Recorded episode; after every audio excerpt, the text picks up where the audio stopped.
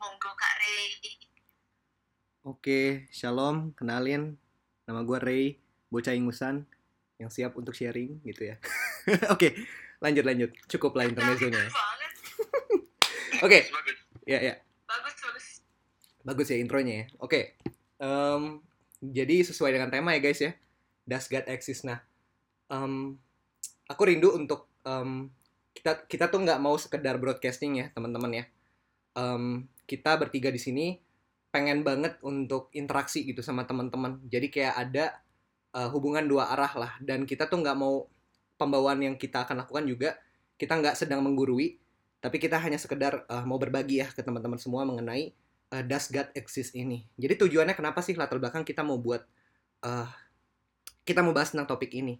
Mungkin uh, kalau mau digali satu persatu ya um, terlalu banyak, tapi mungkin aku akan coba angkat beberapa poin yang sangat penting ya untuk kita uh, bisa berada di sini gitu. Kita sharing tentang Does God Exist. Pertama, um, kita rindu untuk bisa uh, share ke teman-teman semua. Ya mungkin teman-teman yang di sini uh, beda-beda latar belakang ya. Ada yang mungkin memang uh, ateis atau mungkin teis at- atau mungkin agnostik gitu kan um, dan seba- dan lain sebagainya uh, agama seberang gitu kan atau mungkin yang udah beragama Kristen gitu kan yang udah Kristen gitu dan uh, masing-masing di masing-masing konteks yang ada ya tadi uh, yang aku sebutin orang-orangnya untuk orang-orang yang belum kenal Tuhan gitu ya uh, ini tu- tujuannya adalah untuk supaya kita memang bisa uh, share secara diplomatis ya secara uh, mungkin hal-hal yang mungkin jarang banget ya di share dari uh, di gereja dan sebagainya. Tapi di sini kita memutuskan untuk kita mau ngisi ruang kosong yang mungkin belum terisi sama beberapa komunitas rohani mungkin. Dan eh, untuk orang-orang anak-anak teman-teman yang udah eh, percaya kepada Tuhan Yesus gitu ya eh, aku rindu banget eh, di mana ketika kita berhadapan dengan teman-teman kita yang eh, ateis yang agnostik gitu kita hadapi mereka dengan kasih dan juga dengan eh, sup- dengan adanya topik ini kita bisa semakin diperlengkapi untuk bisa eh, menjawab setiap uh, pertanyaan mereka dengan penuh kasih dan secara diplomatis gitu. Supaya memang uh, kita nggak hanya memberikan jawaban yang kesannya hanya emosional tapi betul-betul kita kasih jawaban yang memang benar-benar berdasarkan dari fakta gitu. So teman-teman um, di sini kita sama-sama belajar bareng ya teman-teman ya aku uh, puji Tuhan aku sekarang dipercayakan buat uh, coba untuk uh, bawa ya pesan pembukaan nanti untuk dagingnya sendiri bakal dibawain sama adik adik aku sendiri yaitu Darren adik rohani dan eh sahabat juga ya. nah, does God exist? Kembali lagi ya, does God exist? Nah, aku pengen coba buka dengan hal ini. Oke, sebagai pembukaan, teman-teman, aku pengen coba adain suatu pembedaan di sini ya, teman-teman ya. Eh, jadi kayak ada dua tipe jenis orang eh, yang menganut ateisme gitu ya. Tapi aku akan coba singgung hal ini. Sebagai pembukaan, faktanya banyak orang yang memilih untuk menjadi ateis itu bukanlah karena mereka betul-betul percaya tidak adanya Tuhan. Melainkan mereka secara pribadi tidak menginginkan keberadaan Tuhan. Nah, contohnya apa sih? Aku ngomong ini ada basis gak? Ada. Beberapa ateis terkemuka telah mengakui kebenaran ini. Beberapa seperti penulis Aldous Huxley mengakui secara terbuka bahwa keinginannya untuk menghindari batasan moral adalah motivasi bagi ketidakpercayaan mereka. Ini aku akan sebutin perkataannya dia. Ini perkataan em, ini ya si Aldous Huxley ini ya yang mengakui secara terbuka ya bahwa dia memang sengaja eh eh ya gitu dia dia mengakui kebenaran ini gitu. Dia memang menghindari batasan moral gitu sebagai motivasi ketidakpercayaan dia gitu. Dia dia mencoba untuk mem- menghindari ya ya inilah tolak ukur gitu ya untuk memang dia bisa pakai konsep diri diri dia sendiri gitu nih. Saya tidak menginginkan dunia ini memiliki makna. Waduh, sedap tuh. Dan saya memiliki banyak motif bagi keinginan saya ini. Dan karenanya saya mengasumsikan bahwa dunia ini memang tidak memiliki makna. Dan saya dengan mudah bisa menemukan banyak alasan yang memuaskan untuk asumsi ini. Oke, kemudian filsuf. Filsuf dalam kurung ini ya, seseorang yang mendalami bidang falsafah ya, atau filsafat ya. Filsuf yang tidak menemukan makna dari dunia ini tidak hanya mempertimbangkan masalah metafisik murni. Oke, aku akan kasih notes juga. Metafisika apa sih? Ilmu pengetahuan yang berhubungan dengan hal-hal yang non-fisik atau tidak kelihatan. Salah satunya ya seperti yang kita kenal sekarang gitu ya. Makanya ada topik that does God exist karena God eh, dia nggak kelihatan gitu ya. Nah, jadi kembali lagi aku ulangin gitu ya. uh, filsuf mendalam mena, uh, filsuf yang tidak menemukan makna dari dunia ini tidak hanya mempertimbangkan masalah metafisik murni. Dia juga mempertimbangkan untuk pembuktian bahwa tidak ada alasan yang valid mengapa dia secara pribadi tidak bisa melakukan apa yang ingin dia lakukan. Gitu. Nah, bagi diri saya sendiri dan saya yakin juga bagi sebagian besar teman-teman saya, filsafat ketiadaan makna pada dasarnya merupakan instrumen pembebasan dari sistem moralitas tertentu. Kami keberatan dengan moralitas itu karena moralitas tersebut mengganggu kebebasan seksual kami. Ini perhatian ya teman-teman ya. Ini kata-kata dari seorang ateis. E, karena moralitas itu mengganggu kebebasan seksual kami gitu. Para pendukung sistem ini menyatakan bahwa hal ini mengandung makna-makna kekristenan, mereka bersikeras dari dunia ini. Ada satu cara mudah untuk membantah orang-orang ini dan membenarkan diri kami sendiri dalam pemberontakan erotis yang kami lakukan ini. Kami akan menyangkal bahwa dunia ini tidak memiliki makna apa pun. Nah, itu perkataan Aldous Huxley, Ends and Means. Jadi, um, dasar penyangkalan dia untuk akhirnya dia memutuskan untuk jadi ateis adalah ya gitu ya kita bisa lihat secara jelas gitu ya. Kami yang seperti perkataan yang tadi disebutkan ya kami keberatan dengan moralitas itu karena moralitas tersebut mengganggu kebebasan seksual kami gitu. Nah konklusinya apa sih yang kita bisa uh, apa bisa dapatkan dari pernyataan ini dari fakta ini? Percaya adanya keberadaan Tuhan akan disertai dengan rasa tanggung jawab terhadap pribadi tersebut. Setuju ya sampai sini ya Darren ya Divena, ya? Jadi jadi untuk menghindar dari conviction di dalam hati hukuman atas hati nur nurani kita gitu ya beberapa orang dengan mudahnya memilih menyangkal keberadaan Tuhan Oke? Okay? Mereka mengatakan kepada diri mereka sendiri, tidak ada yang mengawasi dunia ini. Tidak ada hari penghakiman. Saya bisa hidup sesuai dengan keinginan saya. Lebih mudah untuk mengabaikan hati nurani jika tidak dipengaruhi oleh moralitas. Oke? Okay? Aku lanjut. Berusaha meyakinkan diri sendiri kalau Tuhan itu tidak ada merupakan suatu kebodohan. Inti dari pernyataan orang bodoh berkata dalam hatinya tidak ada Allah adalah hati yang fasik dan penuh dosa, sehingga ia akan selalu berusaha menyangkal keberadaan Tuhan. Penyangkalan orang ateisme uh, tetap berkobar-kobar di hadapan begitu banyak bukti yang bertentangan dengan pernyataan mereka. Termasuk, ini salah satunya yang menjadi dasar, termasuk suara hati nurani mereka sendiri. Dan keberadaan alam semesta di mana mereka hidup.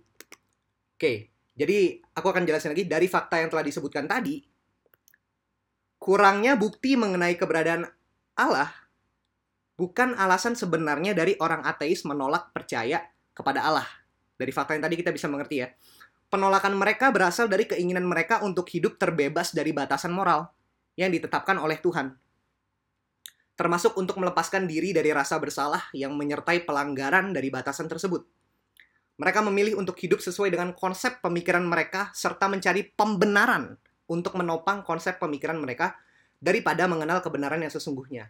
Jadi di sini aku pengen distinguish, uh, um, aku pengen coba filter dulu ya teman-teman ya, karena di sini um, kita rindu untuk mengajak kita semua ya, bukan bukan um, bukan kayak ke audiens doang kita semua.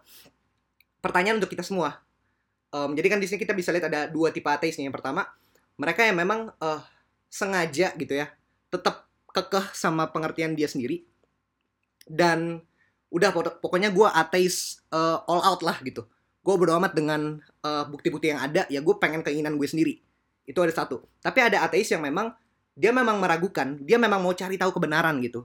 That's why dia tetap terbuka. Dia dia rindu banget untuk memang kebenaran itu dibukakan buat dia gitu sehingga memang uh, karena ada something yang nggak beres dalam hati dia yang dia mau beresin gitu jadi kita lihat ada dua tipe ya teman-teman ya ada satu yang memang ateis yang nggak mau belajar yang satu ateis yang mau belajar gitu. Nah, pertanyaan untuk kita semua. Apakah kita sedang serius mencari kebenaran atau pembenaran? Itu aja sih paling. Mungkin bisa dilanjutin ke Darren? Eh ke Tivana dulu ya, moderator ya, silakan. Ih, mantap banget loh, Corey. Gimana guys, sudah mulai tergambar belum sih sebenarnya Does God exist ini? Semakin ini gak sih, semakin kepo gak sih sama jawabannya sebenarnya apa sih? Nah, thank you banget ya untuk pembukaannya, openingnya sangat ciamik sekali. Nah, sekarang kita akan lanjut nih guys ke materinya. Are you ready? Kalian, kalian siapkan diri. Kalau kalian mau catat, buka bukunya sekarang. Catat supaya someday kalau kalian membutuhkan informasi ini, ini akan sangat berguna karena ini ini kita mau menyampaikan materi yang sangat amat dalam ya guys. Kakak Derek di sana, are you ready? Halo kakak. Silakan Deren. Tiap sekolah minggu nggak sih kita? Yuk bisa yuk, yuk Kak Derek. Iya. Oke, Ini gue langsung mulai aja nih. Deren. Oh, langsung mulai aja. Oke, thank you so much, Divena. Halo teman-teman, um, nama gue Darren Christopher. Um, gue anak dari Jakarta ya. I think nggak tahu kita mungkin ada tempat yang beragam. Uh, struggle sekarang karena setiap orang punya struggle kan. Struggle sekarang gue sebenarnya adalah gue baru mau masuk kuliah dan jadi I'm going through this transition. I'm so happy to be here teman-teman. I'm so happy to be able to share about what I believe. Dan aku tahu meskipun mayoritas di sini kita orang Indonesia, cuman kemarin gue dengar ada kabar bahwa kita kedatangan teman-teman dari Malaysia.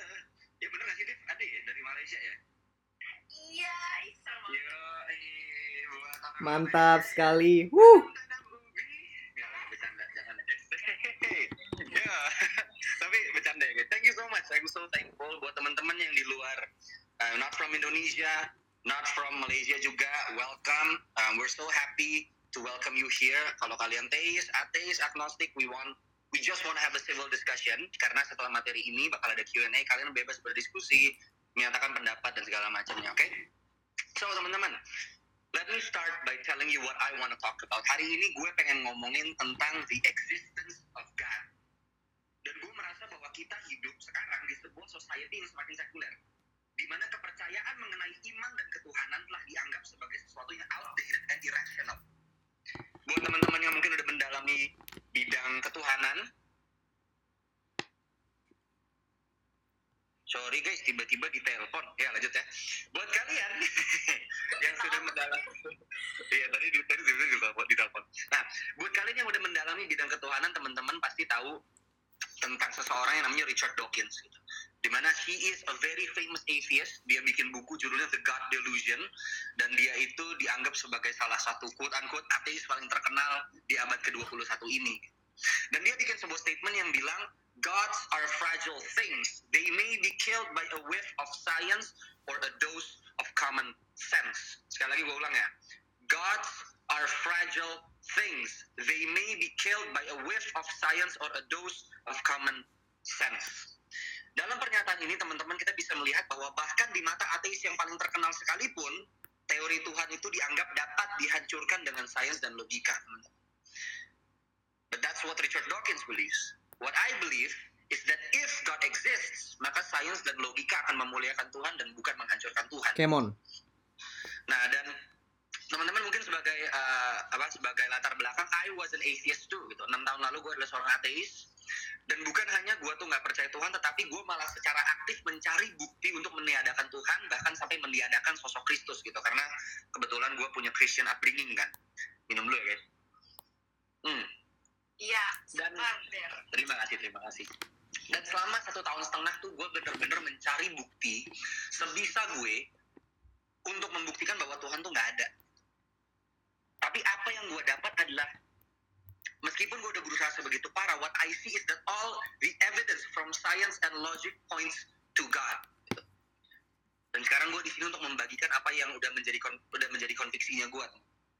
And so I am here to demonstrate a harmony between God and logic a symphony between faith and science. Gue di sini pengen membuktikan bahwa di saat lu punya iman, bukan berarti lu menjadi orang yang gak logis dan menjadi orang yang non scientific. Yes.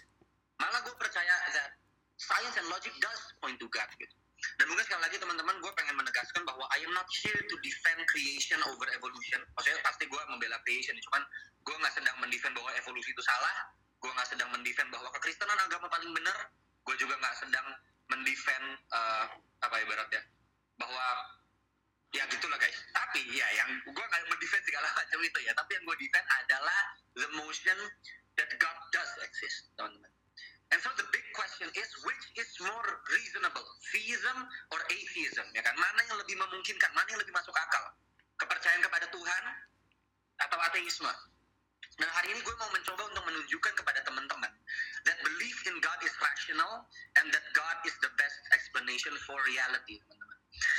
Now, um, sebelum gue masuk uh, ke sebelum gue membela teisme, sebelum gue memberikan argumen mengenai eksistensi Tuhan, let me show you what I think is the problem with atheism, teman-teman. Banyak sekali orang ateis yang dianggap, wah kalau dia ateis artinya dia pintar, gitu. Banyak yang bilang bahwa ateisme itu adalah quote unquote agama untuk orang pintar, gitu loh. Yang bilang bahwa orang yang people with faith, ya kan, um, nggak bisa berpikir and cannot reason. Gitu. Makanya mereka percaya sama quote unquote sesuatu yang disebut sebagai fairy tales gitu.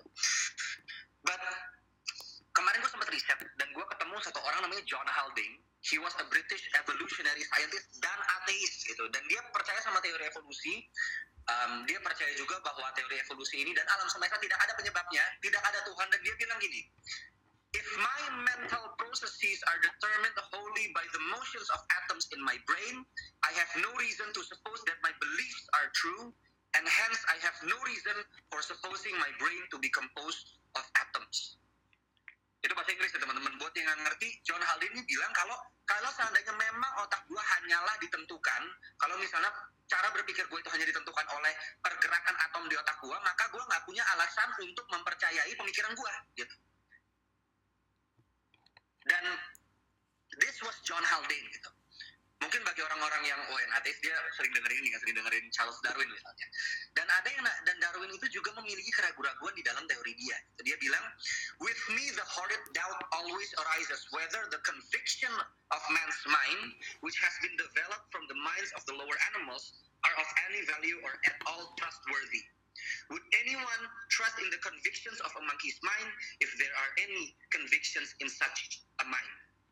Dalam bahasa Indonesia, Charles Darwin itu bilang, gua tuh meragukan kredibilitas pemikiran gua sendiri. Karena dari yang gua tahu, tiada Tuhan, ya kan? Dan kita ini semua adalah sebuah, kita adalah sebuah hasil dari evolusi dari binatang-binatang binatang yang lebih rendah, gitu. Nah, dia bertanya, apakah kita bisa mempercayai buah pikiran seorang monyet, bila seorang monyet memang benar bisa berpikir, gitu. Jadi Charles Darwin himself meragu-ragukan hal ini gitu.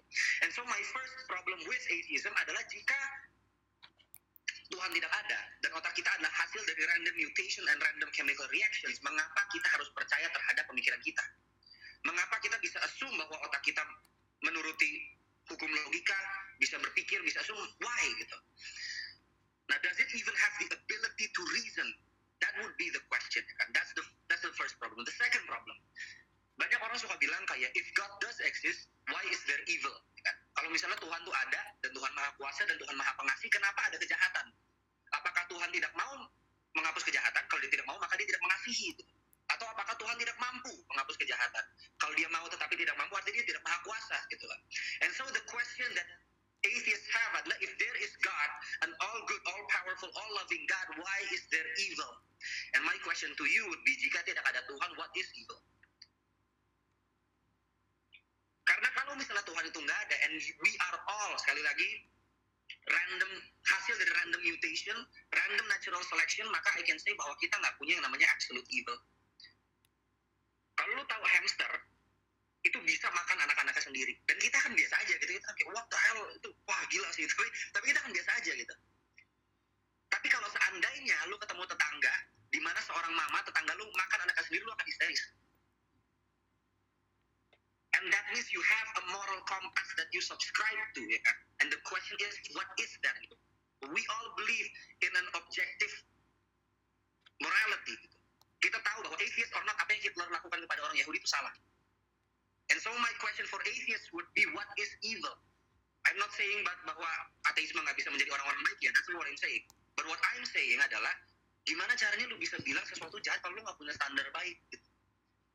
Dan kalau standar baik lu ada sesuatu yang random, sesuatu yang berasal dari society yang juga hasil dari randomness ini, kenapa lu bisa menjadikan itu standar? Everything becomes subjective. Itu yang kedua teman-teman. Yang ketiga, if atheism were true, maka itu berarti kalian you are all nothing but a speck of dust within the universe, a cosmic orphan with no intrinsic value or meaning. We are all meaningless. Dan mungkin problem terakhir adalah sesuatu yang udah di highlight sama Ray juga yang bilang bahwa gue tuh gak percaya Tuhan because I just don't like God. Ya kan? Gue gak suka aja sama ide seorang Tuhan. And I'm here to tell you teman-teman, jika ada yang berpikir seperti itu, that facts do not share about your feelings. Dulu kita pernah ngeliat in Indonesia there was an election between Jokowi and Prabowo ya kan? and Jokowi actually won the election Jokowi memenangkan pemilihan itu dan pasti fansnya Prabowo marah. Tapi apakah amarah fansnya Prabowo memutarbalikkan realita sehingga Prabowo yang menang? Kan enggak gitu.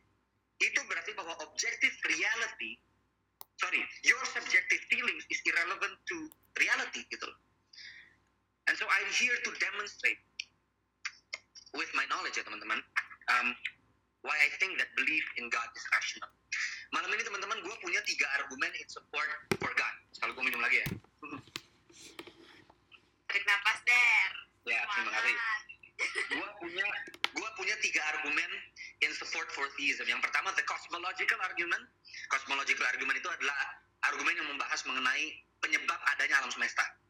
Yang kedua ada the fine tuning of the universe. Fine tuning adalah kita melihat bahwa alam semesta ini um, teratur gitu.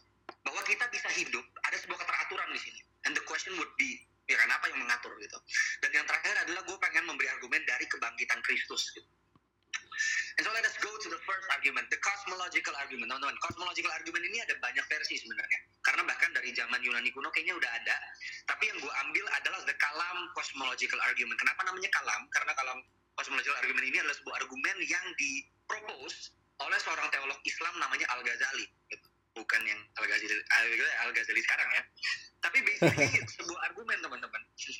Sebuah argumen itu memiliki premis dan memiliki sebuah konklusi. Ini suara gue masih kedengeran nggak guys? Aman men. Aman ya? Kalau tadi tulisannya poor connection. Thank you, thank you. Sebuah argumen memiliki premis dan sebuah argumen memiliki konklusi yang mengikuti premis itu. Premis adalah sesuatu yang membangun sebuah argumen. Dan konklusi adalah sesuatu yang lo dapatkan jika premis-premis lo itu benar dan dapat dibuktikan. Nah, jadi the Kalam cosmological argument has two premises and one logical conclusion. The first premise adalah whatever begins to exist has a cause. Apa pun yang memulai untuk ada memiliki suatu penyebab untuk keberadaannya. Yang kedua, the universe began to exist. Okay?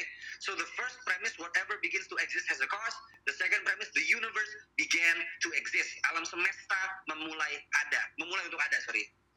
Dan jika kedua premis ini benar, maka kita bisa bilang bahwa therefore the universe must have a cause. Ya kan? Dan I would derive bahwa the cause for the universe is God.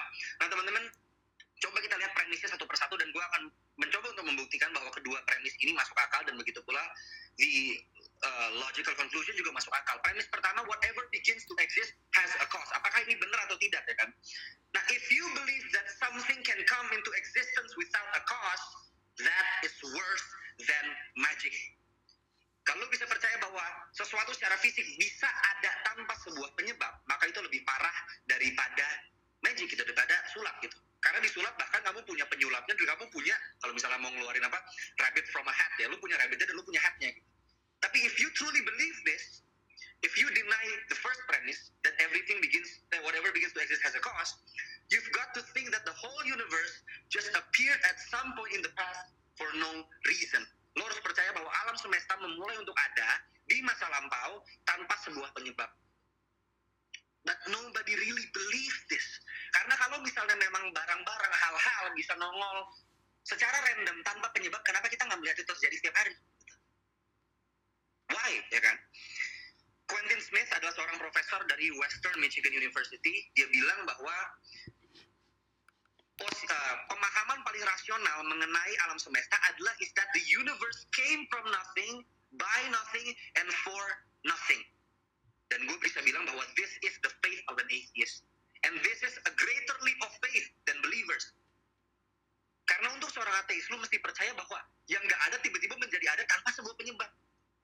Di mana kita sebagai orang-orang yang percaya Tuhan, we believe that God adalah penyebabnya gitu.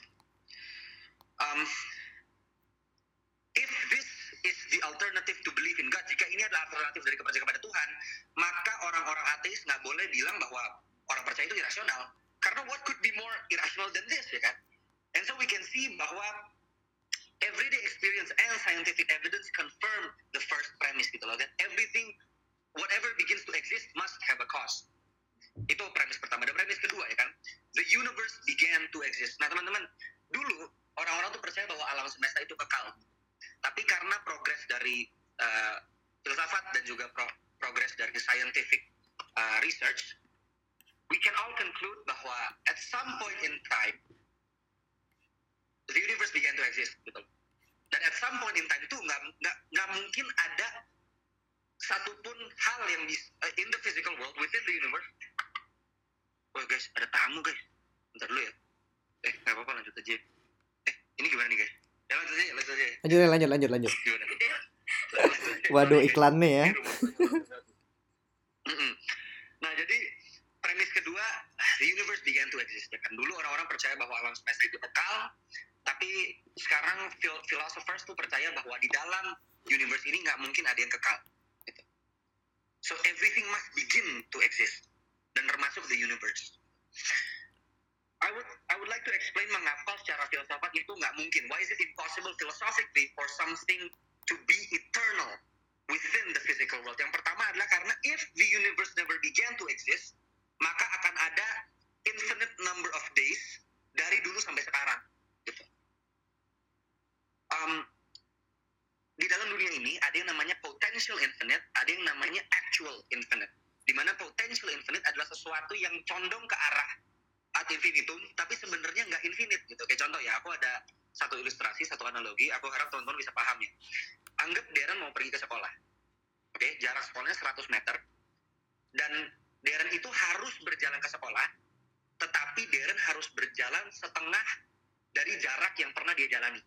Jadi contoh Darren jalan nih 100 meter, Darren cuma boleh jalan 50 meter dulu. Karena kan setengah dari 100 meter dong. Ntar artinya sisanya 50 meter, dan habis itu gue perlu jalan 25 meter, setengah dari 50 meter ini. Nah dari 25 meter ini, gue mesti berjalan lagi 12,5 meter. Dan begitu seterusnya, sampai seterusnya. Dan teman-teman secara matematika, aku nggak akan pernah mencapai titik nol. Karena angka apa pun yang lu bagi dua, pasti akan menjadi angka dan nggak mungkin menjadi nol. Karena we all know bahwa apa pun... Hmm, bentar ya guys, ini ada tamu di beneran. To- tolong moderatornya ini dulu. Ah, aturin dulu. Oke, gak apa Darren. Maaf ya guys, ini ini sangat amat realistis. Realistis thank you, banget. Thank you. Dan kita based on situation. Uh, nanti habis ini kita lanjutin ke Darren lagi ya. Korea ada mau nambahin nggak? Gue let let Darren finish dulu sih. martabak, guys. Let Darren finish dulu sih. Ada yang nganter martabak. Lanjut ya guys. Yoi, lanjut. Gimana sih? Sorry, sorry nih. Ya, jadi kalau misalnya tadi sampai analogi ini, sampai analogi yang Darren mau ke sekolah itu kira-kira udah cukup, cukup bisa dimengerti nggak sih? Gue takut gue orang-orang nggak ngerti loh. Ngerti kan? Jadi kayak gue perlu berjalan setengah dari jaraknya dan kita akan selalu mendapatkan angka. That's what we call a potential infinite. But it doesn't mean bahwa bener-bener ada an infinite number of spaces between my house and the school. And so this analogy, even though matematik secara matematis akan dibuktikan bahwa gue nggak akan pernah sampai ke titiknya, tapi secara realita gue pasti akan sampai. Nah, the question is, kalau misalnya alam semesta itu kekal, ya kan? Berapa hari, how many days would it take from infinity till today? Gitu. Dan itu pertanyaannya nggak masuk akal. Sama seperti lu nggak bisa bilang bahwa gue punya dua koin kan bisa ya, tapi lu nggak bisa bilang bahwa gue punya minus dua koin. Gitu. Artinya angka minus ini is what you call an imaginary number. Dan um, my question would be kalau misalnya kenapa lu nggak bisa percaya sama Tuhan gitu. Karena some people bilang bahwa oh Tuhan nggak diciptakan, Tuhan kekal, artinya Tuhan tuh illogical. Tapi the same beberapa orang percaya kalau alam semesta itu kekal. And that would be my question ya kan. That's from the philosophical side. From the scientific side, kenapa menurut sains uh, alam semesta itu nggak mungkin um, nggak mungkin ada secara kekal gitu ya? Karena ada yang namanya hukum termodinamika. Jadi kalau teman-teman belajar fisika ada yang namanya the second law of thermodynamics. Dan the second law of thermodynamics bilang bahwa the universe is slowly running out of usable energy. Jadi teman-teman harus tahu di dalam fisika energi itu tidak bisa diciptakan dan tidak bisa dihancurkan energi itu selalu dikonvert jadi kalau punya energi gesek diubah jadi misalnya energi apa panas. Dari panas jadi cahaya dan segala macam. Nah pokoknya energi itu selalu berputar-putar. Tapi nggak pernah bisa diciptakan atau dihancurkan. Paling trik penciptaan itu adalah hanya di saat universe ada ya. Nah dan kalau semesta kalau dan alam semesta itu teman-teman alam semesta itu is always expanding dan the second law of thermodynamics bilang bahwa the universe is slowly running out of usable energy. Kalau misalnya alam semesta memang sudah kekal, harusnya energinya tuh udah habis gitu. Tapi buktinya sekarang kita masih memiliki energi yang cukup untuk hidup gitu. Panasnya cukup nih gitu. Nah, dan di tahun 1915 teman-teman, Albert Einstein tuh came up with the general theory of relativity, kan, teori relativitas. Dan dia punya dua kawan yang membantu dia, namanya Alexander Friedman dan George Lemaitre. Gitu. Um, dan Friedman dan Lemaitre, mereka they predicted that the universe is expanding gitu bahwa alam semesta ini sampai detik ini terus membesar kan. Dan di tahun 1929, 14 tahun kemudian Edwin Hubble discovered yang namanya the redshift gitu. Dan redshift ini membuktikan bahwa alam semesta ini itu memulai untuk ada dari satu titik gitu. Jadi dia mengutip the, the time space universe is expanding from a single point in the finite past gitu. Jadi it's not infinite. Ya kan science has proven this. All matter, energy, space, and time came into being at this initial cosmological singularity. Nothing existed prior to this boundary. Edwin Hubble membuktikan bahwa ada sebuah titik awal bagi alam semesta. Dan sebelum alam semesta itu tidak ada apa-apa. And finally di tahun 2003, ada tiga cosmologist namanya Arvin Bohr, Alan Guth, dan Alexander Vilenkin dan mereka membuktikan bahwa scientists can no longer hide behind a past eternal universe. There is no escape. They have to face the problem of a cosmic beginning. Buat teman-teman yang nggak tahu, Alexander Vilenkin adalah salah satu saintis paling terkenal. Dia mempelajari alam semesta dan dia bilang bahwa saintis itu nggak bisa lagi bersembunyi di balik alam semesta yang kekal. Tidak ada jalan keluar gitu. Mereka harus menghadapi masalah. They have to face the problem of a cosmic beginning. And so this then concludes that the first two premises are true. Yang pertama kan everything that begins to exist has a cause. The universe began to exist. Ya kan? Kita udah bisa membuktikan bahwa the universe must have a cause. Gitu. Dan pertanyaan sekarang apa yang menjadi penyebab adanya alam semesta? Karena kita nggak mungkin langsung bilang Tuhan dong. Apakah mungkin Tuhan atau mungkin karena alam semesta itu memiliki properti di dalam alam semesta sendiri, ya, sehingga alam semesta itu bisa ada. Dan gue pengen quote dari Stephen Hawking. Stephen Hawking dia seorang ateis, dia juga uh, he's a very smart person dan dia punya namanya theory of everything yang di mana di, dianggap oleh banyak orang sebagai jawaban oh nggak usah nggak perlu ada Tuhan nih kita udah dapat menjelaskan segalanya gitu aku ini secara broadly speaking ya teman-teman. Dan Stephen Hawking percaya bahwa alam semesta itu bisa nongol dari ketiadaan. Dan gue quote dari bukunya dia judulnya The Grand Design. Dan dia bilang because there is a law of gravity the universe can and will create itself from nothing gue ulang ya because there is a law such as gravity the universe can and will create itself from nothing. And that's a plain contradiction. Karena dia bilang bahwa because there is a law of gravity, it means that there is something ya kan. Tapi dia bilang the universe will create itself from nothing. Apa artinya? Ya kan? Nah, jadi that would be the question gitu. Nothing means nothing. Tapi kalau dibilang ada a law of gravity, that means there is something gitu. Wow. Nah, gue percaya bahwa nothing is the absence of time, space, and matter, teman-teman. Dan teman-teman mesti tahu ya, bahwa laws do not cause anything. Hukum alam apa pun tidak dapat menyebabkan apa pun karena hukum alam membutuhkan agen untuk bertindak. Kita ambil contoh ya teman-teman, hukum kedua Newton, ya kan? F sama dengan M kali A, jadi force sama dengan massa kali akselerasi gitu. Kalau misalnya sebuah gaya um, berinteraksi dengan sebuah massa, maka massa itu akan mengalami percepatan. Oke? Okay? Artinya bahkan tidak dari dalam sini aja, law of Newton membutuhkan sebuah massa membutuhkan sebuah physical entity. Gitu. Kalau misalnya teman-teman main, main biliar, terus teman sodok bola biliarnya bolanya mental gitu kan. Sekarang pertanyaannya yang menyebabkan bola itu mental adalah kalian atau hukum Newton? Dan begitu question ya kan. Dan lu bisa melihat bahwa yang menyebabkan itu ber, berpindah sebenarnya kalian bukan hukumnya. Karena hukum hanya menjelaskan dan menjadi prinsip mengenai mengapa sesuatu itu bekerja. Dan ya kalau misalnya nggak ada alam semesta, maka nggak ada time space matter kan? Nggak ada matter ya gravitasi buat apa gitu kan? Nggak ada space juga bahkan. Dan ini ya kontradiksi aja. Anggap kalau misalnya aku bilang X creates Y ya misalnya Tuhan menciptakan manusia kita bisa bilang bahwa di saat ada Y ada X gitu. Tapi kalau kita bilang di saat ada X creates X itu kan aneh gitu kayak X create X tuh maksudnya gimana gitu. Nah jadi this is a really weird way of explaining things, teman-teman. Ini bahkan Stephen Hawking yang who is undoubtedly a genius, teman. Tapi dia juga kesulitan untuk menjawab pertanyaan ini gitu kan. And so I believe, teman-teman, that before the Big Bang there was nothing, ya kan? And nothing is the essence of time, space, and matter, ya kan? Dan time, space, and matter is a continuum. Jadi mereka mesti ada di saat yang bersamaan. Kalau lu punya time and matter but no space, lu mau taruh di mana matternya? Ya kan? Kalau lu punya space and matter but no time, kapan lu mau taruh matternya? Ya dong. Tapi kalau lu punya time and space but no matter, maka time harusnya nggak ada karena time itu sebenarnya menjelaskan perubahan, perubahan in the physical universe. Gitu. And so I believe kalau misalnya alam semesta memang, kalau misalnya sebelum alam semesta memang there is no matter, no space and no time, and time, space, and matter existed at the same time, maka penyebab alam semesta itu harus immaterial, spaceless, timeless, teman-teman.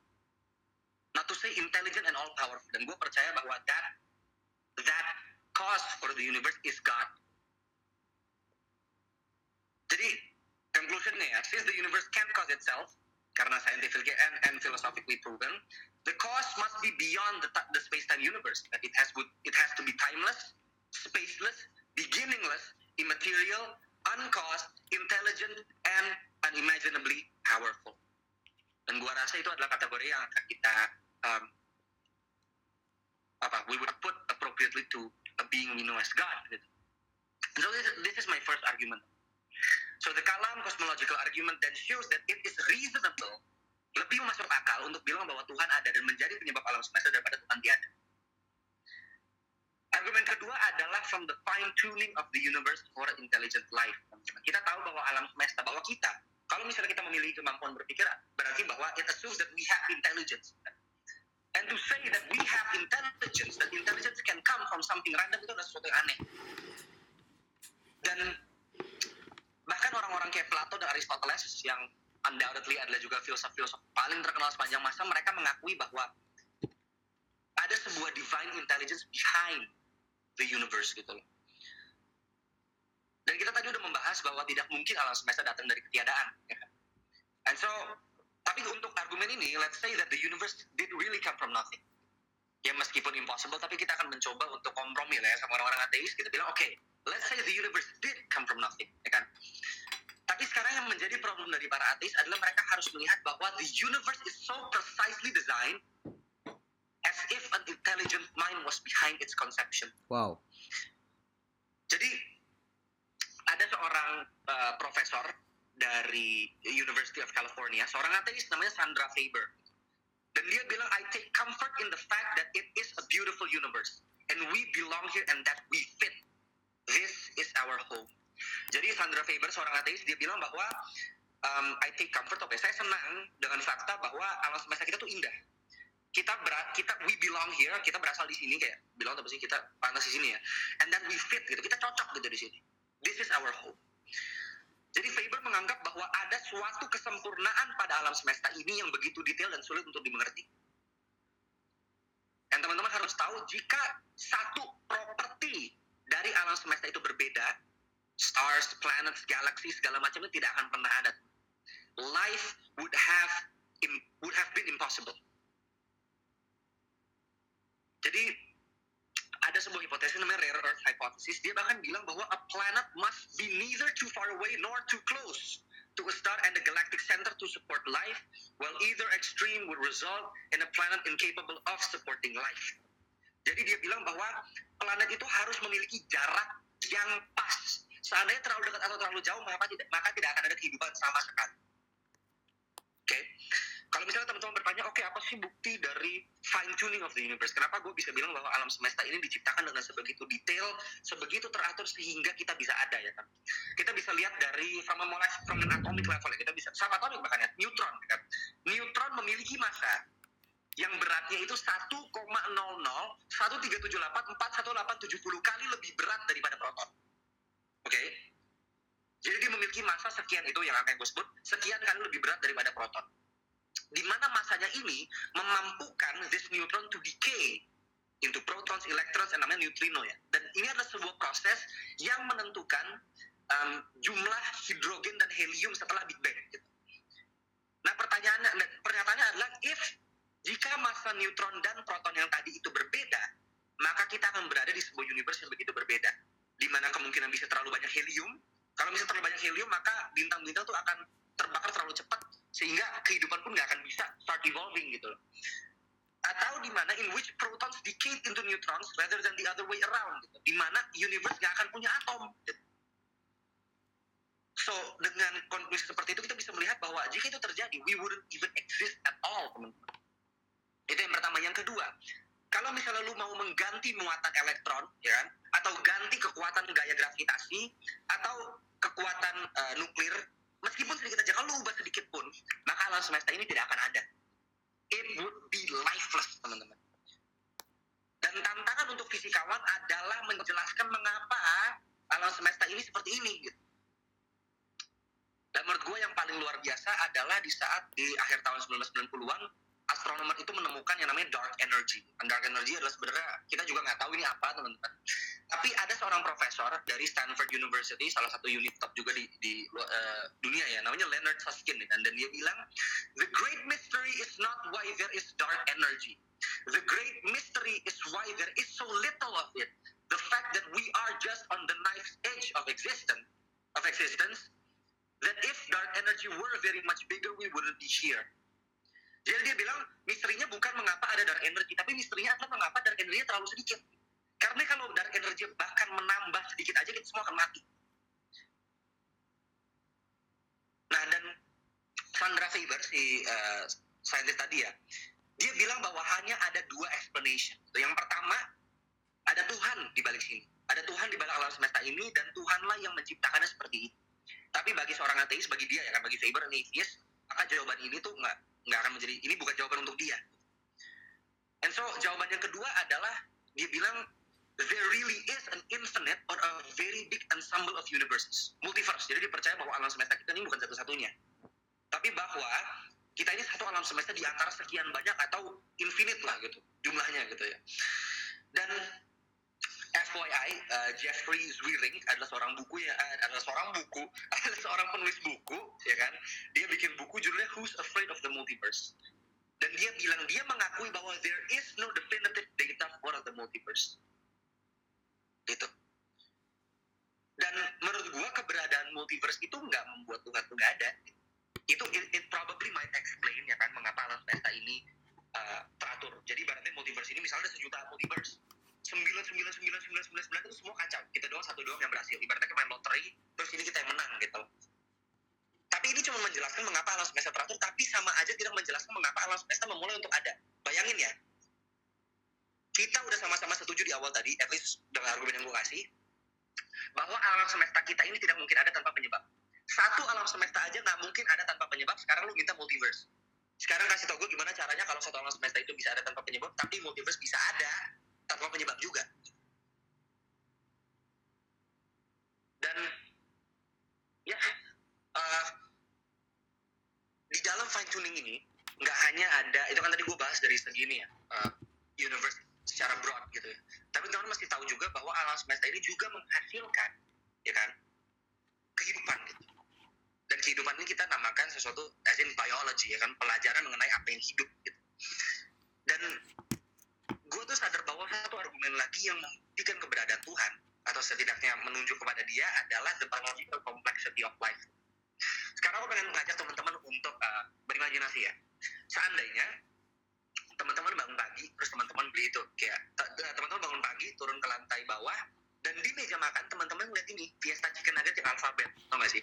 Yang ada hurufnya gitu yang bisa buat anak kecil ya kan teman-teman ngeliat ke bawah dan ada Fiesta Chicken Nugget yang alfabet dan gitu. Udah terbuka dan di meja tuh berceceran chicken nuggetnya. Tapi chicken nugget ini disusun, jadi berceceran tapi disusun ya.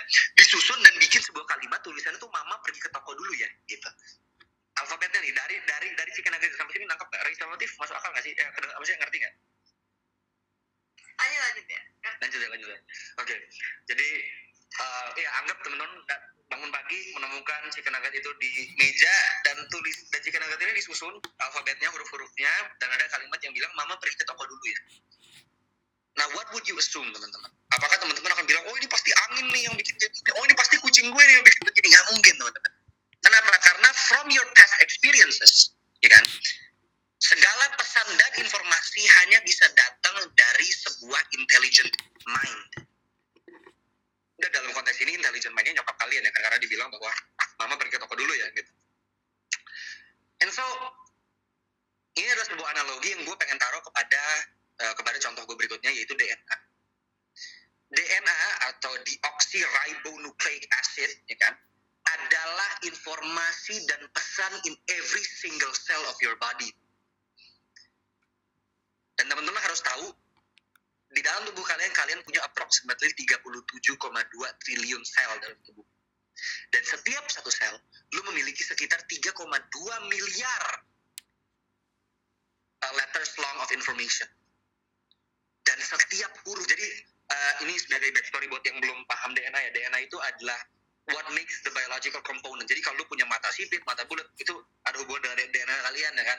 Punya hidung, punya segala macam. Bahkan untuk lu bisa punya dua kaki, dua tangan tuh, it's all DNA. Uh, gue gak akan terlalu dalam karena gue juga gak, gak, dalam itu pemahamannya. Dan DNA ini tuh memiliki empat, uh, kalau nggak salah tuh bahasa ada sebuah bahasa uh, nucleic base, ya, nucleic, apa gitulah. Dan namanya tuh dan ada empat huruf yang merepresentasikan uh, DNA gitu loh, yang which makes it up. Yang pertama ada adenin, cytosine, guanin, dan thymine.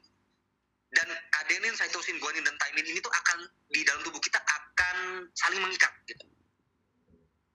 Dan kalau misalnya ikatannya salah, ibaratnya harusnya A berpasangan sama G, tapi ntar A berpasangan sama C dan itu salah, maka tubuh kalian tuh ibaratnya bakal ada kecacatan. Tapi buktinya, buktinya sekarang, ya kan, bahwa you have 37.2 trillion cells in your body, you have each cell containing 3.2 billion letters long of information, and every letter in is in the right order. Bahkan Bill Gates, penemunya Windows, dia bilang bahwa the human DNA is like a computer program but far, far more advanced than any software we ever created. Bilang, DNA itu seperti programming komputer, tapi jauh lebih maju, jauh lebih mutakhir daripada apa yang kita punya sekarang gitu. Dan banyak yang bilang, oh ini mah God of the Gaps theory gitu. Dan teman-teman, this is not a God of the Gaps theory, teman. This is positive evidence for an intelligent mind. Nggak mungkin lu bilang kayak chicken nugget tadi kayak pas jatuh jadi sebuah kalimat lu kan nggak mungkin bilang kayak apa sih ini? Ini pasti nggak ada penyebabnya. Gue nggak mau bilang ini mak gue ya kan? Atau kalau misal lu pergi ke pantai terus lu ngelihat di, di pasir itu ada tulisan misalnya uh, uh, Tivena love Yesaya Abraham gitu kan misalnya kan? Masa coba lu- Wadaw. masa lu bilang masa lu bilang bahwa masa lu bilang bahwa uh, it's a crabs apa sih? Crabs itu apa sih kepiting masa kepitingnya maju terus nulis tulisan itu nggak mungkin gitu. And so the fact that we have a well functioning and so intricately designed universe shows that there is an intelligent mind behind the universe teman-teman. And that's my second argument. Jadi yang pertama the cosmological argument. Second um, the argument from the fine tuning of the universe kan And so I come to my last argument dan itu adalah tentang kebangkitan Kristus. Dan gue tadi kan bilang bahwa gue sebenarnya nggak membela kekristenan ya teman-teman, tapi membela teisme secara general. Tapi kenapa gue pakai bukti ini? Karena ini adalah sebuah fakta historis yang um, yang sudah disetujui oleh begitu banyak pihak. Sehingga ini dianggap sebagai sebuah fakta ya, sebagai, sebagai fakta sejarah gitu. Dan fenomena ini menurut gue hanya bisa dijelaskan bila ada sebuah, seorang Tuhan, seorang Allah di balik fenomena ini gitu. About the resurrection of Christ, my last argument ya. Um, orang Kristen, sorry, um, ada seorang debater, seorang apologist Kristen namanya Dr. William Lane Craig. Ya, dia pinter banget. Dan dia tuh menulis di bukunya dia, di bukunya judulnya On Guard. Dulu tuh dia ngambil doctoral studies dia tuh di Munich, Jerman. Dia ngambil PhD, kan, di ngambil kedokterannya tuh di Jerman. Dan suatu saat dia tuh mendengar bahwa di universitasnya dia bakal ada seorang dosen tamu bernama Pincus Lapid yang akan mengajar tentang kebangkitan Kristus. Saat Craig mendengar itu, Craig langsung lemas gitu. Kenapa? Karena di Jerman, teolog liberal, teolog liberal tuh semua mengajar bahwa cerita kubur kosong itu semua eh, legend gitu, legenda nggak terjadi. Ya kan Paulus nggak percaya dengan eh, kebangkitan Yesus secara fisik gitu. Terus eh, resurrection appearance stories itu semua product of anti-docetic apologetics segala macam lah. Nah jadi William Craig ini udah semalas itu, sepesimis itu dengerin hal-hal seperti ini. Tetapi dia dikejutkan dengan fakta bahwa pengajaran Lapid saat dia membela figur Yesus dan pernyataan mesianiknya bahwa kredibilitas naratif kubur kosong dan sebagainya membuktikan bahwa kebangkitan Kristus adalah alasan terbaik untuk menjelaskan fenomena Kristenan di awal. Gitu. Nah, jadi menurut gue bukti atau setidaknya argumen mengenai kebangkitan Kristus bisa di- disingkatkan, bisa disummarize ya, menjadi five points, menjadi lima poin. Yang pertama, Jesus was indeed crucified by Pontius Pilate. Yesus memang disalibkan oleh Pontius Pilatus. Yang kedua, Jesus was buried. Yesus dikubur. Yang ketiga, the tomb was discovered empty. Kuburnya kosong. Yang keempat, the appearances of Jesus after his death, ya kan? Um, Yesus menampakkan dirinya kepada orang-orang setelah kematiannya. Dan yang kelima, the origin of the disciples of Jesus belief of his resurrection. Jadi mari kita examine this point secara lebih dalam ya. Poin pertama adalah Yesus disalibkan oleh Pontius Pilatus, ya kan? Ada beberapa sumber yang bilang, oh enggak, Yesus nggak disalib, jangan disalib muridnya. Ada yang bilang mungkin disalib juga, Yesus mungkin aja langsung di- dilempar batu karena dia apa? Dia menistakan agama. Tapi teman-teman mesti tahu bahwa catatan sejarah yang menyatakan bahwa Kristus Yesus disalibkan di bawah perintah Pontius Pilatus atas desakan dari otoritas Yahudi dapat ditemukan bahkan dari sumber-sumber non-Kristen sekalipun teman-teman. Ada seorang sejarawan Yahudi namanya Josephus dan dia bilang begini. Now there was about this time Jesus, a wise man, if it be lawful to call him a man, for he was a doer of wonderful works, a teacher of such men as to receive the truth with pleasure. Ya kan? Dia bilang um, he was the Christ, and when Pilate, at the suggestion of the principal men amongst us, had condemned him to the cross, those that loved him at the first did not forsake him, for he appeared to them alive again the third day. As the divine prophets had foretold these and ten thousand other wonderful things concerning him and the tribe of the Christians, so named after him, are not extinct at this day.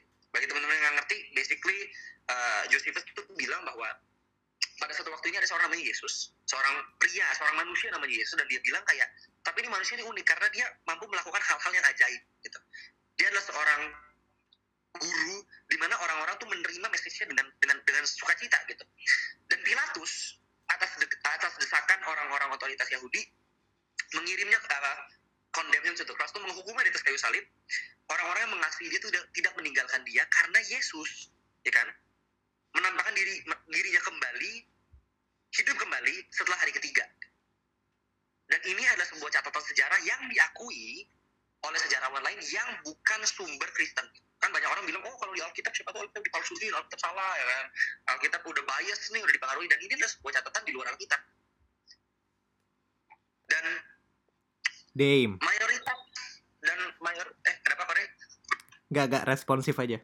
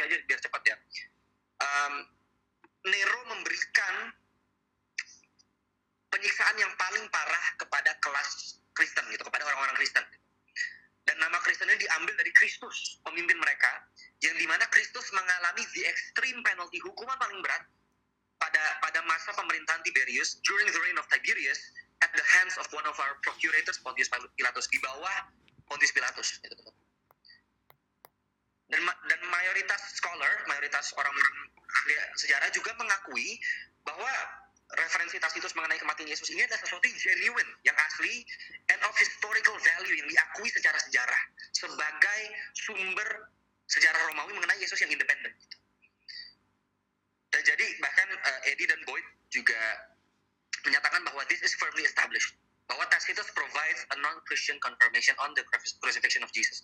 Bahkan dari Talmud orang Yahudi pun dibilang bahwa on the eve of Passover, Yesus was hanged, gitu loh. Nah, hanging ini sebenarnya Yesus itu mengarah kepada Yesus dan hanging ini sebenarnya karena dia digantung di kayu salib.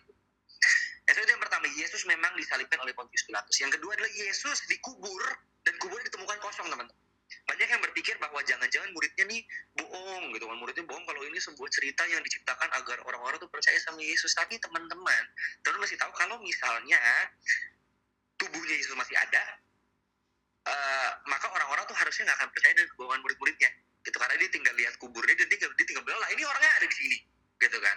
Dan yang kedua kalau misalnya uh, sorry ya kalau misalnya banyak orang percaya ya kan, oh Yesus memang beneran bangkit, Yesus beneran bangkit, wah orang Yahudi nggak percaya kan, maka orang Yahudi itu tinggal buka kuburnya lagi dan mereka tinggal buktikan loh ini Yesus ada.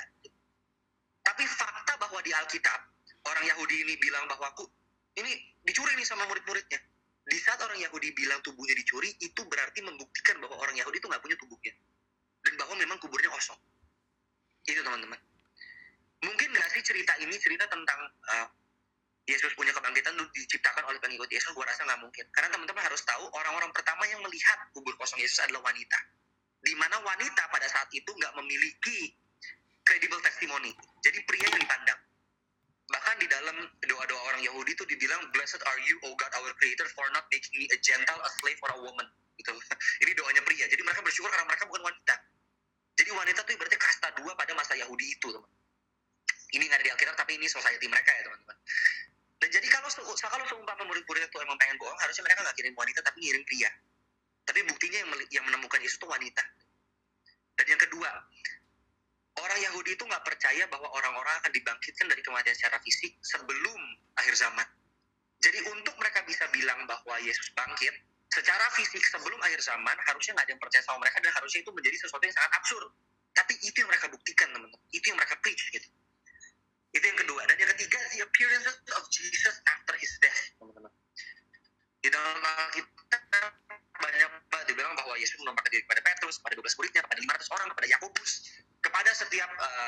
Rasul-rasul yang ada dan yang terakhir kepada Saulus dari Tarsus.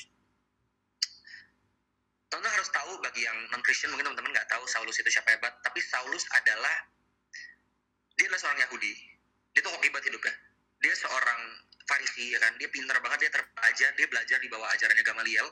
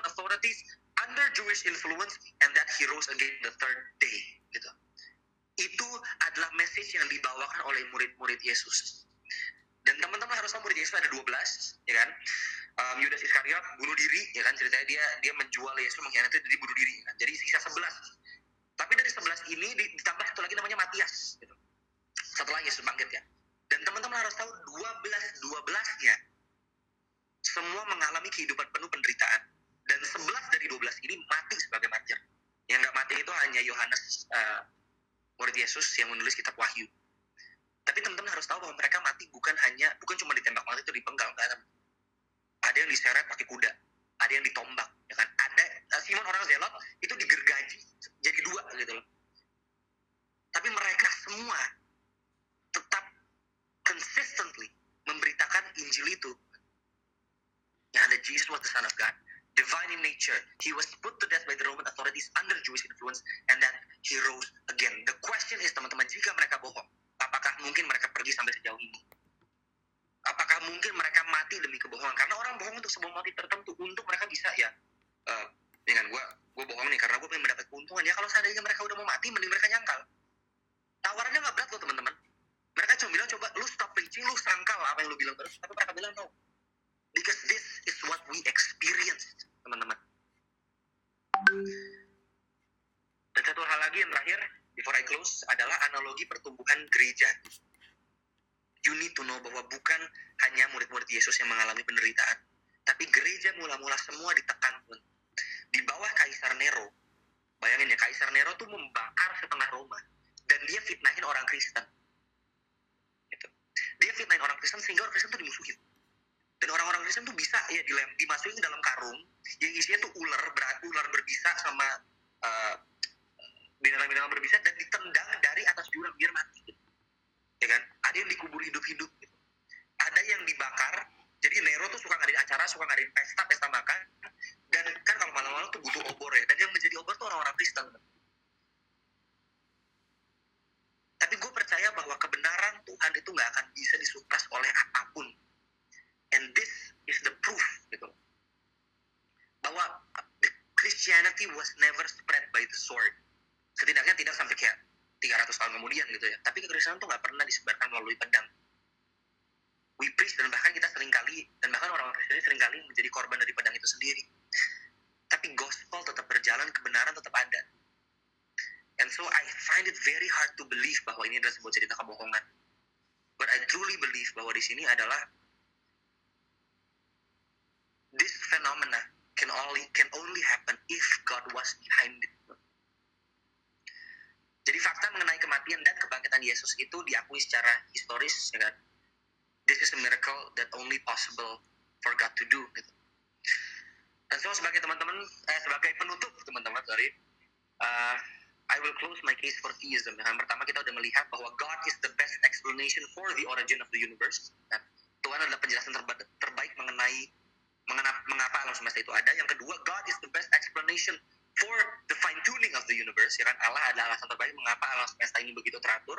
Yang ketiga, God is the best explanation for the resurrection of Christ ya kan mengapa Allah ini alasan terbaik dari kebangkitan Kristus gitu dan yang terakhir it is more reasonable to believe in God and that both science and logic point to the existence of a transcendent all powerful intelligent all loving immaterial timeless spaceless being we know as God so itu aja teman-teman dari aku Uh, I hope ini udah menjadi sebuah materi yang cukup oke buat teman-teman I, I really look forward untuk sesi Q&A-nya dan looking forward untuk bisa diskusi sama teman-teman thank you semuanya Oh, thank you banget Darren. Gila, gila, gila. Buat teman-teman, yuk kita kita tarik nafas dulu teman-teman. Kita kita cerna dulu apa yang tadi kita udah dengar dari Darren. Thank you banget ya Darren sudah menjelaskan sejauh ini. Buat teman-teman, yuk kita kita take a break sebentar. Kita gerakin badan kita untuk mencerna. Break setiap- dulu ya, break dulu ya. Iya. Merenggangkan otot dulu ya. apa yang bilang. Yes. Kita harus persiapan untuk sesi selanjutnya karena perjalanan masih panjang, guys. Kalau kalian masih kayak agak bingung, masih ragu-ragu nih, ini apa sih? Oh. Buat beberapa teman-teman yang masih baru join, welcome. Kita kita sekarang mau lanjut sesinya, perjalanan masih panjang. Darren tadi udah ngejelasin banyak banget tentang cosmological argument and fine tuning of the universe. Many theories are also used by atheists scientifically impossible. How they try to make all theories to state that God does not exist. Dan, dan setelah kita mendengar tadi Darren panjang lebar sampai capek menjelaskan, after all, explanation it should be clear enough to answer the question above. Does God exist? Gitu, jadi kita kita masih lanjut ya guys. Darren, thank you banget sudah menjelaskan. Darren juga tadi menjelaskan tentang ini ya, resurrection of Jesus. Guys, And we are, we are very, gimana Der? ya gue mau minta maaf dulu ada yang bilang kecepatan sorry guys tapi gue gue takut waktunya kemalaman tapi nanti kita bisa extend di ini ya kalau yang mau nanya di Q&A aja ya tadi ada, ada yang DM gue nih thank you ya buat yang udah ngasih masukan thank you so much guys Thank you guys. Lanjut, very, we are very very open to your discussions ya teman-teman. Your questions juga. So if you have any questions, punya pertanyaan, write, write it down first and hold on. Tulis dulu ya guys. Ingat dulu pertanyaan pertanyaannya sekarang. And after this, we will first listen to the other statement from Corey. And after that, we will open the question and answer session. So, prepare your questions, teman-teman. Kalau masih bingung, masih ada pertanyaan, masih ada mungkin argumen yang masih kalian mau tanyain tentang tadi penjelasannya sama nanti penjelasan Corey, boleh banget dicatat. Habis ini kita bakal open Q&A dan itu akan membuat jadi segalanya ini lebih jelas. Oke, guys? So, I will directly into Corey. Monggo. Oke, wow, thank you banget praise God. Uh, Darren udah sempat sharing banyak hal ya. Um, gue jujur merasa banyak banget dapat perbekalan dari apa yang tadi Darren sharingin ya. Dan gue berharap juga apa yang tadi Darren sharingin bisa meneguhkan teman-teman dan uh, bisa juga mengequip teman-teman untuk punya tools-tools untuk bisa uh, ini ya mengasihi orang-orang di luar sana yang mungkin ya belum percaya sama keberadaan Tuhan ya. So ya, ya let's share the truth ya. Mungkin tadi Darren juga udah singgung ya tentang kayak em, apa yang terjadi dalam kekristenan itu justru eh, menunjukkan gitu ya. Kayak itu suatu data yang valid gitu ya. Yang juga akhirnya mendukung bahwa there is a God gitu. There's a God that exists gitu. Nah, gue pengen share sedikit juga ya dari pandangan kekristenan ya, teman-teman ya. Em, gue akan coba kutip tadi sempat di ini ya, udah udah di share juga sama Darren tentang kontinum ya. Em, gue akan coba menegaskan kembali ya. Jadi teman-teman, apa yang tadi Darren share tentang em, time space space matter itu kita bisa dapetin hanya dari satu ayat dari Alkitab. Kejadian 1 ayat 1, Genesis 1 verse 1. Gue akan baca dari ver- versi NLT. In the beginning, God created the heavens and the earth. Oke? Just simple as that. Terjemahan baru ya, pada mulanya Allah menciptakan langit dan bumi. Nah, dari satu ayat ini kita bisa tarik tiga unsur. Pertama, in the beginning, itu adalah permulaan waktu. Dan heavens itu adalah langit, space ya. Dan bumi, earth, itu adalah ma- materialnya. Itu adalah materinya. Jadi kayak, em, aku sempat denger ya satu statement ya. Em, maksudnya kayak, it's better ya to believe uh, in the beginning God than believing in the beginning dirt. Dunia kita bukan Minecraft. Teman-teman ada main Minecraft? Tapi dunia ini memang seperti tadi uh, apa yang tadi Darren juga udah sempat sampaikan ya. Jadi Alkitab sendiri itu untuk udah mencatat gitu, in the beginning God gitu. And ketika kita mengerti hal itu, artinya adalah Tuhan tuh di luar dari ciptaannya sendiri gitu. Karena gini, Tuhan tuh memang Tuhan itu tidak terbatas dengan ciptaannya. Jika ia terbatas dengan ciptaannya, maka ia bukanlah Tuhan. Setuju ya sampai sini ya Darren Tiff ya, yang ada di sini ya. Yes. Em, dan gue pengen coba relasiin ya dengan apa tadi Darren juga sempat share tentang eh, singgung tentang the gospel ya tentang Tuhan Yesus gitu. Nah, em, ada satu statement yang menarik juga teman-teman yang relate banget dengan Genesis 1 verse 1. Kita bisa cek di John 1 verse 1. Di Yohanes 1 ayat 1. Di NLT aku akan baca versinya. In the beginning, the word already existed. The word was with God and the word was God. Oke? versi terjemahan baru, pada mulanya adalah firman. Firman itu bersama-sama dengan Allah dan firman itu adalah Allah. Aku akan lanjut. Jadi mungkin aku akan sedikit ini ya, eh, baca beberapa ayat secara quick gitu ya, secara quick dan jelas, singkat padat jelas. Jadi em, mohon kesabarannya untuk teman-teman menunggu karena dari ayat ini kita bisa melihat em, unsur-unsur yang nyata gitu ya daripada pribadi Yesus Kristus yang tadi Darren udah sempat sebutkan gitu. Jadi Yohanes mencatat seperti ini. Aku tadi udah sampai ini ya, Aku akan baca lagi. Pada mulanya adalah firman. Firman itu bersama-sama dengan Allah. Dan firman itu adalah Allah. Ia pada mulanya bersama-sama dengan Allah. Segala sesuatu dijadikan oleh dia. Dan tanpa dia, tidak ada suatu pun yang telah jadi dari segala yang telah dijadikan. Dalam dia, ada hidup. Dan hidup itu adalah terang manusia. Terang itu bercahaya di dalam kegelapan. Dan kegelapan itu tidak menguasainya. Oke, itu Yohanes 1 ayat 1 sampai eh, 5. Kita akan skip ke Yohanes 1 ayat 10 sampai 14 karena eh, setelah ayat 5 itu setelah ayat 5 sampai ayat 9 itu bicara soal em, ada seseorang yang akhirnya eh, jadi jembatan untuk bisa mendeliver eh, pri- pribadi Yesus ini gitu, bisa share tentang Tuhan Yesus ini gitu. Nah, aku akan baca di Yohanes 1 ayat 10 sampai 14. Bicara tentang eh, firman itu sendiri, bicara tentang eh, sosok yang disebutkan di sini. Ia telah ada di dalam dunia dan dunia dijadikan olehnya. tetapi dunia tidak mengenalnya. Ia datang kepada milik kepunyaannya, tetapi orang-orang kepunyaannya itu tidak menerimanya. Tetapi semua orang yang menerimanya diberinya kuasa. Perhatikan, supaya menjadi anak-anak Allah. Yaitu mereka yang percaya dalam namanya. Orang-orang yang diperanakan bukan dari darah atau dari daging. Bukan pula secara jasmani oleh keinginan seorang laki-laki. Melainkan dari Allah.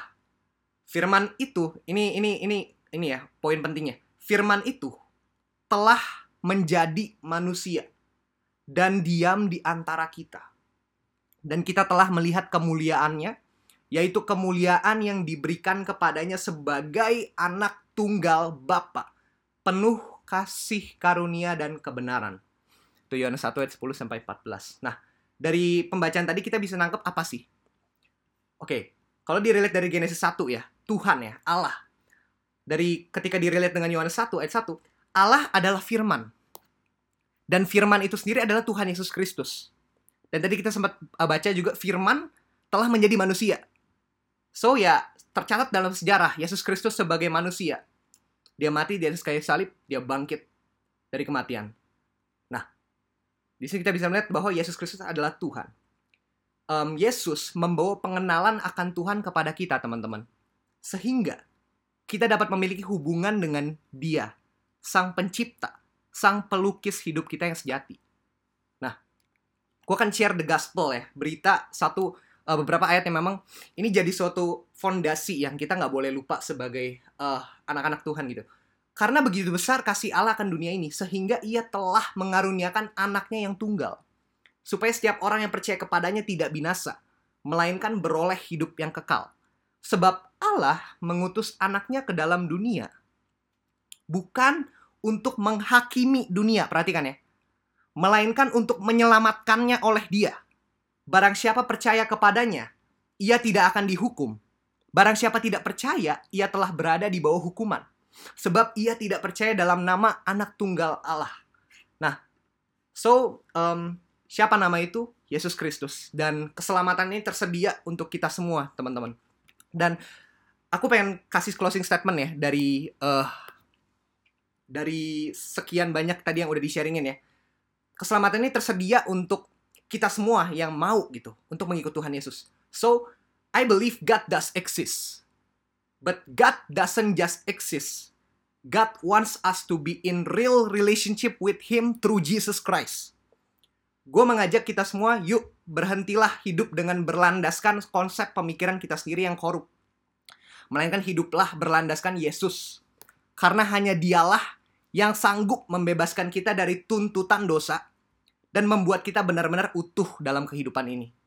So paling itu aja sih. Um, aku share ke Tivena ya. Silakan Tiv. Wah, thank you banget, Korey. Um, untuk penjelasannya tadi gila banget nggak guys? Kita pas dulu. Kita kita lagi. Kita